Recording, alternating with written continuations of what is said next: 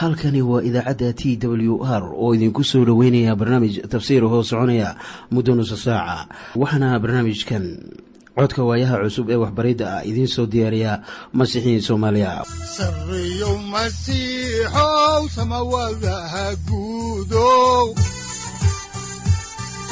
Siraadkii adduunkow subanaha eebow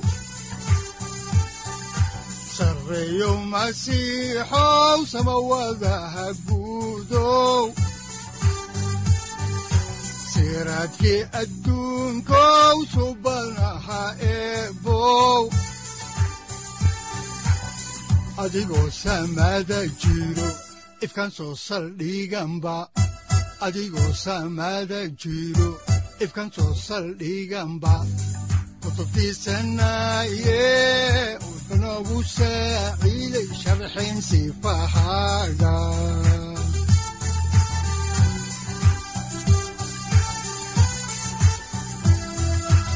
kutubtiisinayo ebnagu saaciid sharxin sifahaaga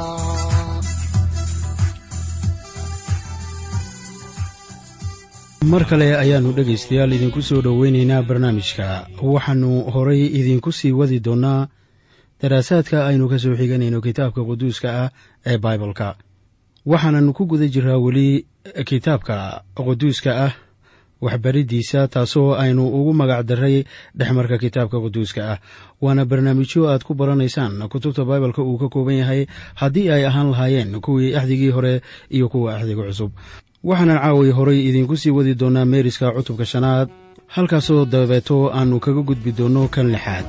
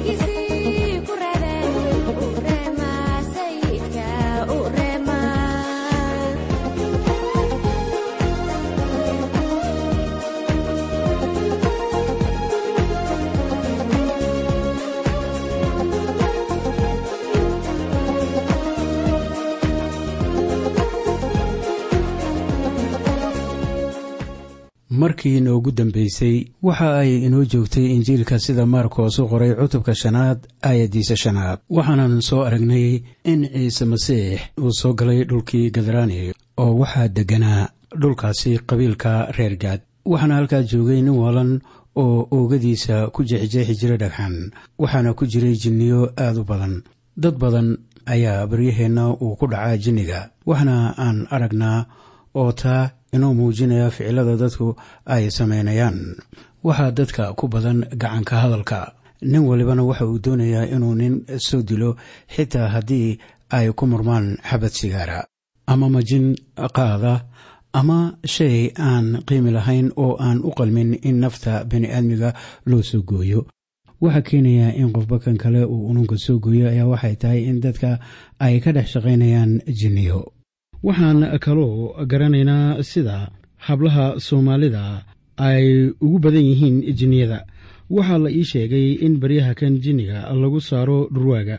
Waxaa niman hubaysan loo dirayaa baadiyaha oo waxa ay soo qabanayaan dhurwaa nool afarta adin ayay ka soo xirayaan markaasi waxay soo saarayaan gaari. Markii magaalada la keeno ayaa waxaa kharashka bixinaya ragga ku shaqaysta jinniga ee jooga magaalada. Dhurwaagii bay qol soo gelinayaan isaga oo afarta adin iyo luquntaba silsilado looga xiray.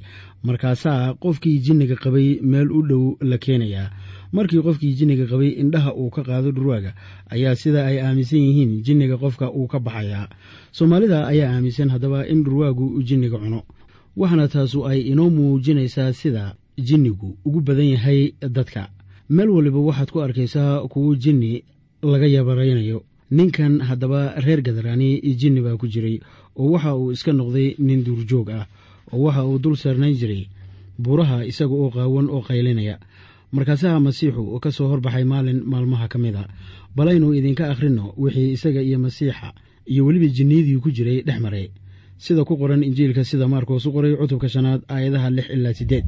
Baalka sagaal iyo lixdan ee axdiga cusub waxaana qorninku leeyahay sida tan laakiin goortuu ciise meel fog ka arkay ayuu ku soo orday oo u sujuuday. Markaasuu cod weyn ku qayliyey oo ku yidhi maxaa inoo dhexeeya ciisow adigoo ah wiilka ilaaha sarow? Ilaah baan kugu dhaarinayaa ha isilcin. Waayo waxa uu ku yidhi ka soo bax ninka jinniyahow wasakhda leh wuxuu ninku ka dhibaatoonayay haddaba dhibaato xagga ruuxa ah waxaana jira waxa loo yaqaano markii la eego cilmi nafsiga split personality. Waxaa dhowr meelood isku qaybinaya shakhsiyadda qofka. Waxa ay markaa noqon kartaa in ninku la hadlayo masiixa ama in jinnigu la hadlayo qofka. Wuxuu leeyahay ninkii jinniga qabay maxaa inoo dhexeeya ciisow adigoo ah wiilka ilaaha sarow haddaan idiin sii wado haddaba meeriska cutubka shanaad ayaan la soo kala baxaynaa isla baalka sagaal iyo lixdanaad aayadaha sagaal ilaa saddex iyo toban. Waxaana qorniinku leeyahay sida tan markaasuu weydiiyey magacaa. Wuxuu ugu jawaabay waxaa la yidhaahdaa liijoon waayo annagu waannu badannahay aad buuna uga baryey inaannu dalka ka eryin buurta sinteedana waxaa joogay daaqsin weyn oo doofaaro ah oo daaqaysa. Jinniyada oo dhan baabaryeen oo waxay ku yidhaahdeen noo dir doofaarada inaannu galno. Kolkiiba ciise baa u fasaxay markaasaa jinniyadii wasaqda laga baxeen oo waxa ay galeen doofaarada daaqsintiina jarka hoos bay uga yaacday ilaa badda baddayna ku baktiyeen. Waxa ay ahaayeen abbaaraha laba kun markii la weydiiyey magacooda ayaa ninkii jawaabay. Waxa ay noqon kartaa haddaba in waxa jawaabaya uu ninka yahay ama inuu jinniga oo ku dhex jiraa yahay.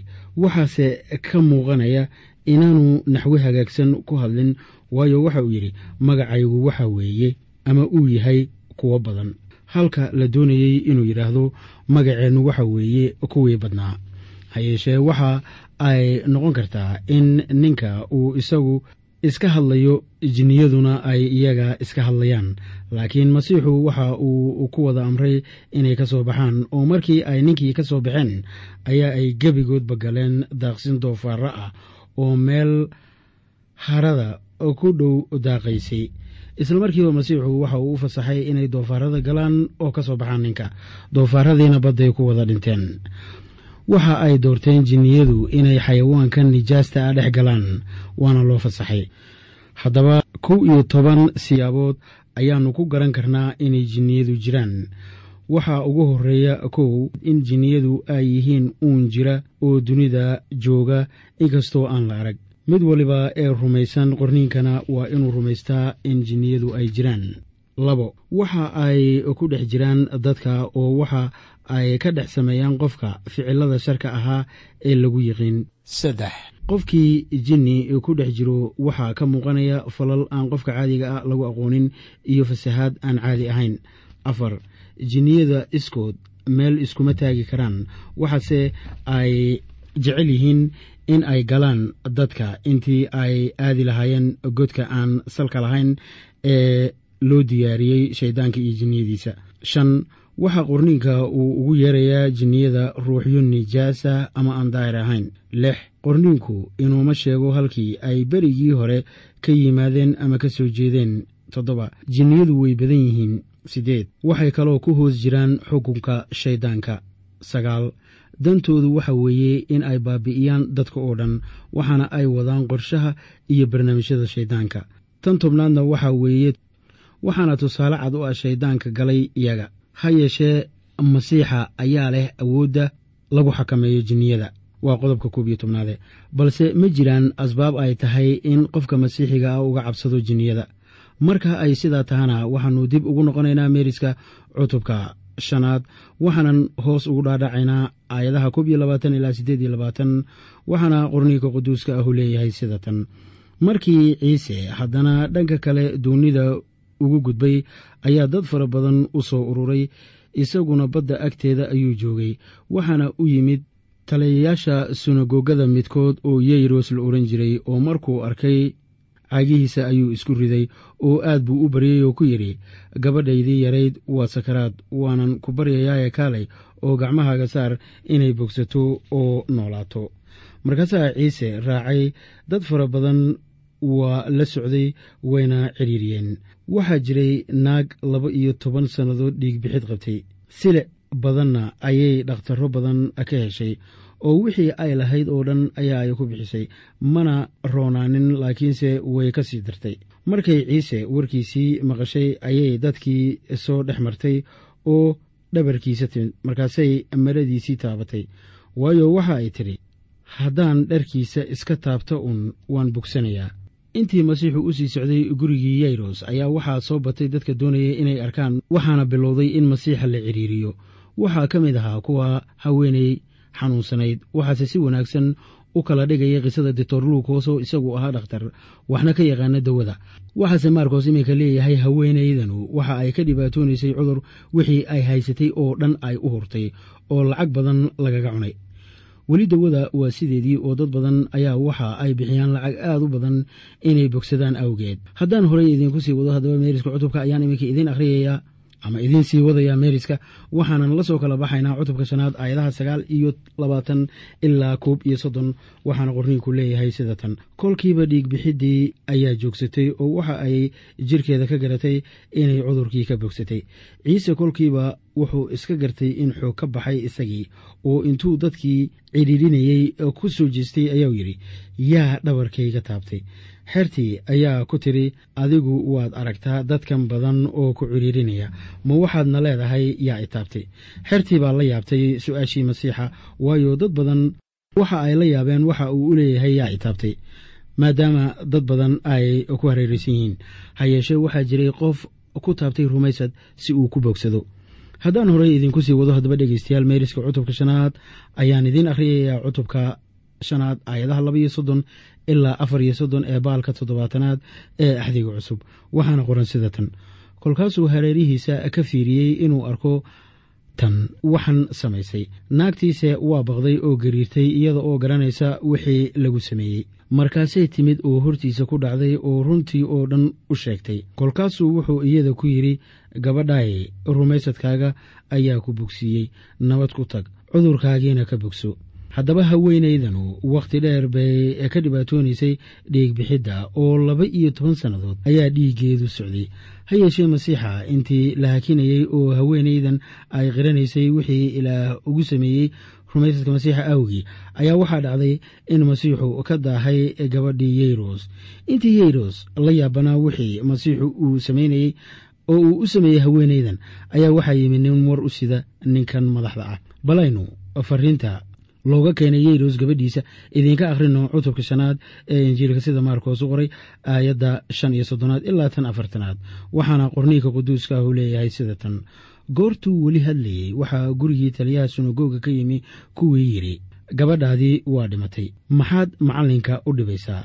Mar alla markuu ciise maqlay hadalka. Lagula hadlay waxa uu taliyaha sunagoga ku yidhi habaqin ee iska rumayso. Ninnana uma oggolaanin inuu raaco butros iyo yacquub iyo yuxanaa oo ahaa yacquub walaalkiis maahee kolkaasuu yimi gurigii taliyaha sunagoga oo waxa uu arkay buuqa iyo kuwa uuyaya oo aad u baruuranaya. Goortuu galay waxa uu ku yidhi maxaad sidaas ugu baqaysaan oo u uuyeysaan gabadhu ma dhiman waase hurudaa iyaguse aad bay ugu qosleen laakiin goortuu kulligood dibadda u saaray waxa uu waday gabadhii aabbaheed iyo hooyadeed iyo kuwii isaga la jiray. Wuxuuna galay meeshii gabadhu jiiftay. Haatan ciise waxa uu yimid guriga waxaana uu dibadda u saaray kuwii aan rumaysadka lahayn. Markii ay dibadda u baxeen wuu soo galay waxaana qorniinku leeyahay sida ku qoran aayadda koob iyo afartanaad. Kolkaasuu gabadhii gacanteedii qabtay oo ku yidhi talita qumi taasoo macnaheedu yahay gabadhoy waxaan ku leeyahay kac luuqadda uu masiixu kula hadlay waxa ay ahayd luuqadda loo yaqaano arimiyak oo ahayd luuqad la isticmaali jiray wakhtigiisii waxaa kaloo ay ahayd luuqad gabadhu ay garan karaysay. Haddaba mucjisooyin sidan oo kale ah ayaa masiixu sameeyey laba iyo saddex kol. Masiixu gabadha waxa uu ku leeyahay neel yahay yarikac oo isla markiiba dhimashadiibay ka sara kacday waana wax aad iyo aad qiimi u leh oo lagu farxo. Waxaana damaashaaday dadkii xigaalada la ahaa iyo waalidkood.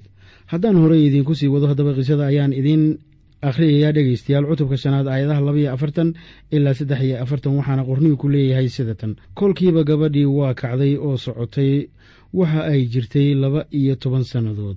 Dadkuna aad bay ula wada yaabeen aad buu ugu adkeeyey inaan ninna ogaan. Wuxuuna u sheegay in cunto la siiyo iyada. Miyaanay waxa masiixu sameeyey ficil ahayn? Gabadh laba iyo toban jirta markii la bogsiiyo ama dawo la siiyo? Waxay dhakhtaradu kugu leeyihiin sii gabadha cunno. Waxa aan soo aragnay haddaba saddex mucjiso oo masiixu sameeyey kuwaasoo haddii aan qiimeeyo tilmaamaya fariimaha xooga badan ee injiilka sida maarkoos u qoray. Waxa ay saddexdan mucjiso oo kale ahaa ninkii jinniga qabay ee reer gadaraani iyo sidii jinniga looga saaray naagtii dhiigbixidda qabtay iyo gabadhii yeyros oo dhimashada laga kiciyey. Aanu ku arkaynaa inay ahaayeen mucjisooyin waaweyn. Saddexdaasu waa saddexda mucjise ee waxa ay tilmaamayaan in addoonka rabbiga uu leeyahay awoodda rabbiga iyo inuu yahay mid ficil ku shaqeeya iyo inuu u yimi inuu adeego. Laakiin aan loo adeegin oo nafsaddiisana kuwo badan uu rahan ahaan ugu bixiyo. Waxaanan ku soo aragnay haddaba cutubkii shanaad isaga oo saddexdaa waxyaaboodba samaynaya oo dadka u muujinaya haddaan intaa ku soo koobno haddaba cutubkii shanaad oo aad iyo aad u qiro weynaa ayaan iminka soo gaarnay cutubka lixaad ee injiilka sida maarkoos u qoray. Cutubkan lixaad waa cutubka labaad ee ugu dheer cutubyada injiilka sida maarkoos u qoray.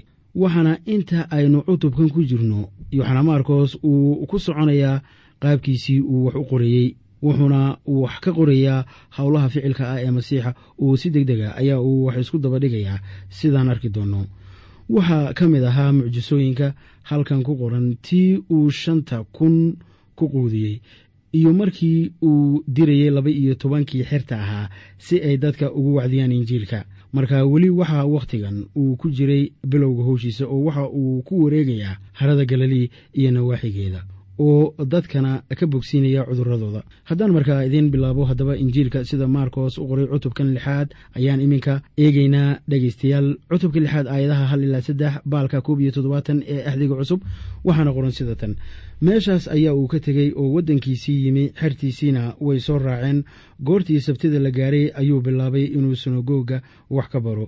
Dad badan oo maqlayaana way la yaabeen oo waxa ay yidhaahdeen ninkanu xageebuu waxyaalahan ka helay oo xigmaddan la siiyeyna maxay tahay in xataa shuqulladan uu xoogga leh gacmihiisu sameeyaan.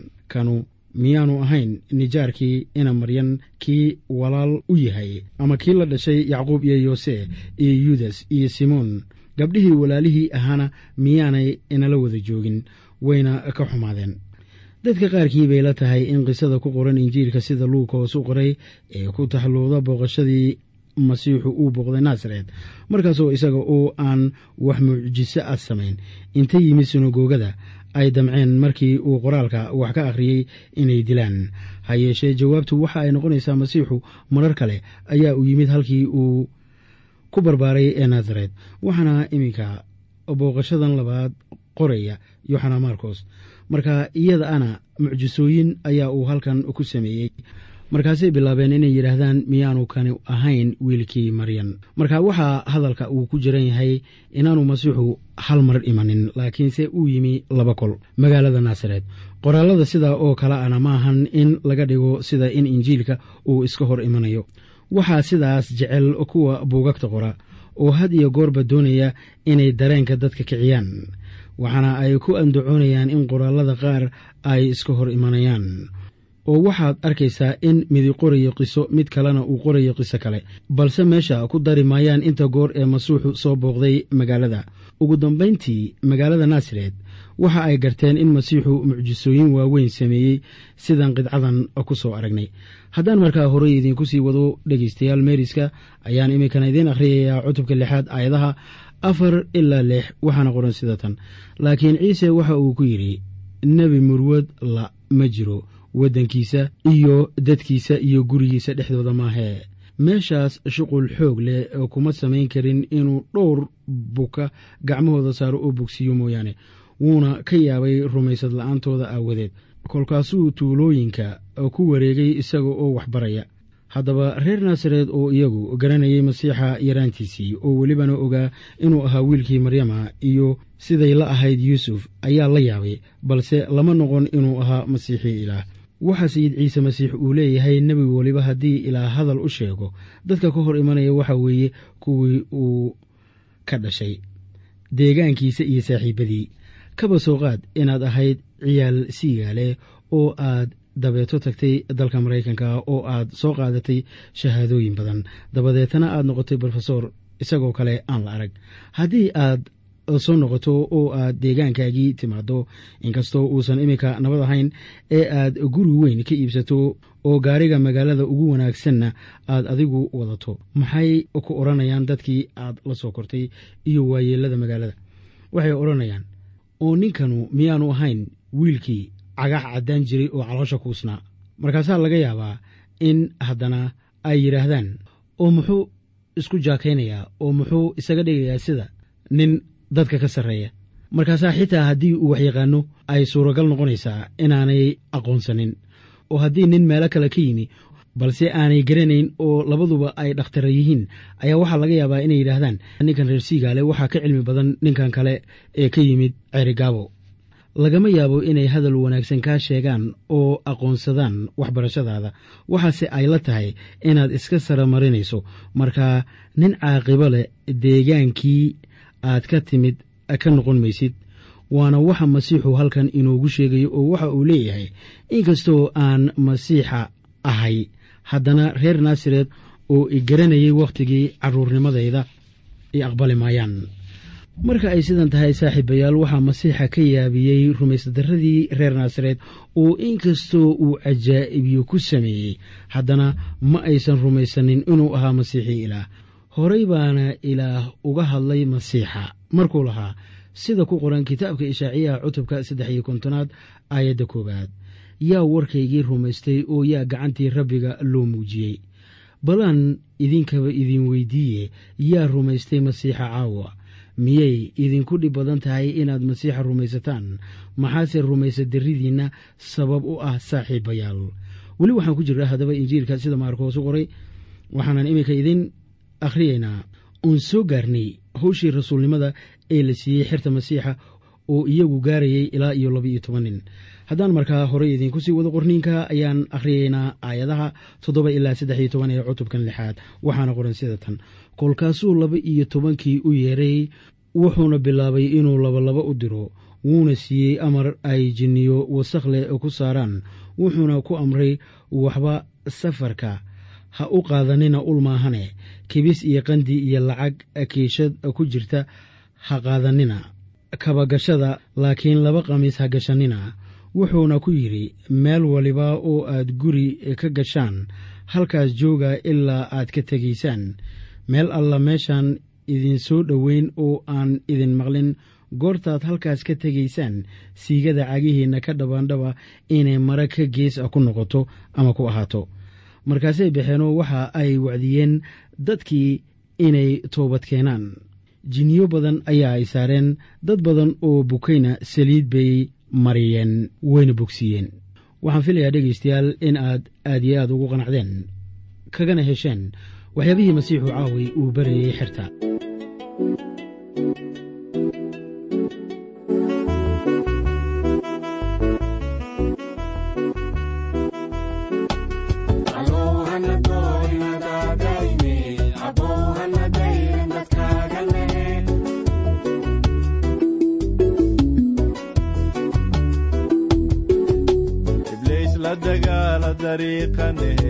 abow hana dayrin dadkaaganehe qofkii dulmi doono dabnaara gelye abow hana dayrin dadkaaga nehe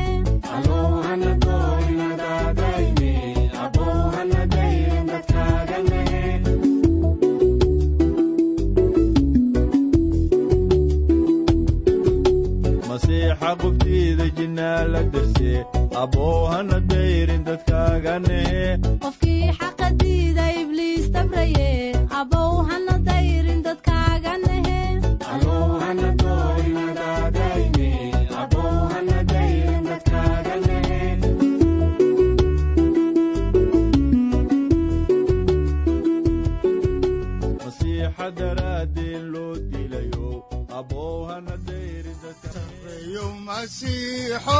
samawadaha guudow siraadkii adduunkow subanaha eebow adigoo samada jiro ifkan soo saldhiganba adigoo samada jiro ifkan soo saldhiganba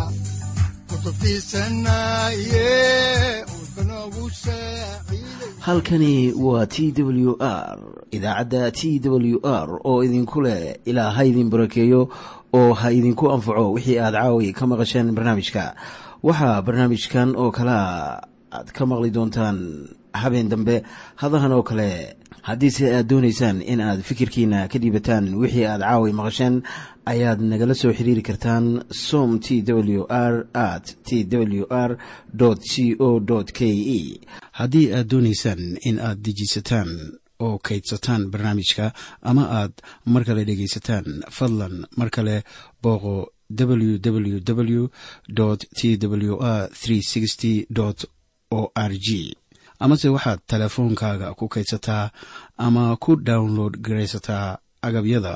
Ku sahli karaa dhegeysiga t w r haddii aad doonayso in laga kaalmeeyo dhinacyada fahamka kitaabka amase aad u baahan tahay duco fadlan fariimahaaga soo mari bogga aaraahda ama kommentska inana jawaab deg deg ah ayaanu ku soo diri doonaa amase ku siin doonaaye